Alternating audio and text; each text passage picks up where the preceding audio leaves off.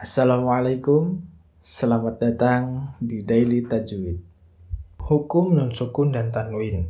Hukum nun sukun dan tanwin terbagi menjadi empat. Yang pertama, idhar. Idhar artinya jelas, memiliki enam huruf yaitu hamzah, ha, ain, ha, ghain, kha. Yang kedua ada idgham. Idgham terbagi menjadi dua, yaitu idgham bi dan idgham bi ghairi gunnah. Idgham bi artinya idgham yang digunakan, yang didengungkan. Hurufnya ada empat, yaitu ya, nun, mim, dan waw. Dan idgham bi ghairi yaitu idgham yang tanpa dengungan, hurufnya cuma ada dua, yaitu lam dan ro. Kemudian hukum yang ketiga ada iklab.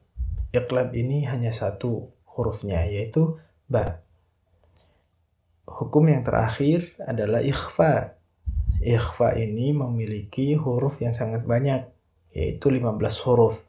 Huruf-hurufnya adalah selain 13 huruf tadi dari tiga hukum di atas. Sampai jumpa di episode yang selanjutnya. Assalamualaikum.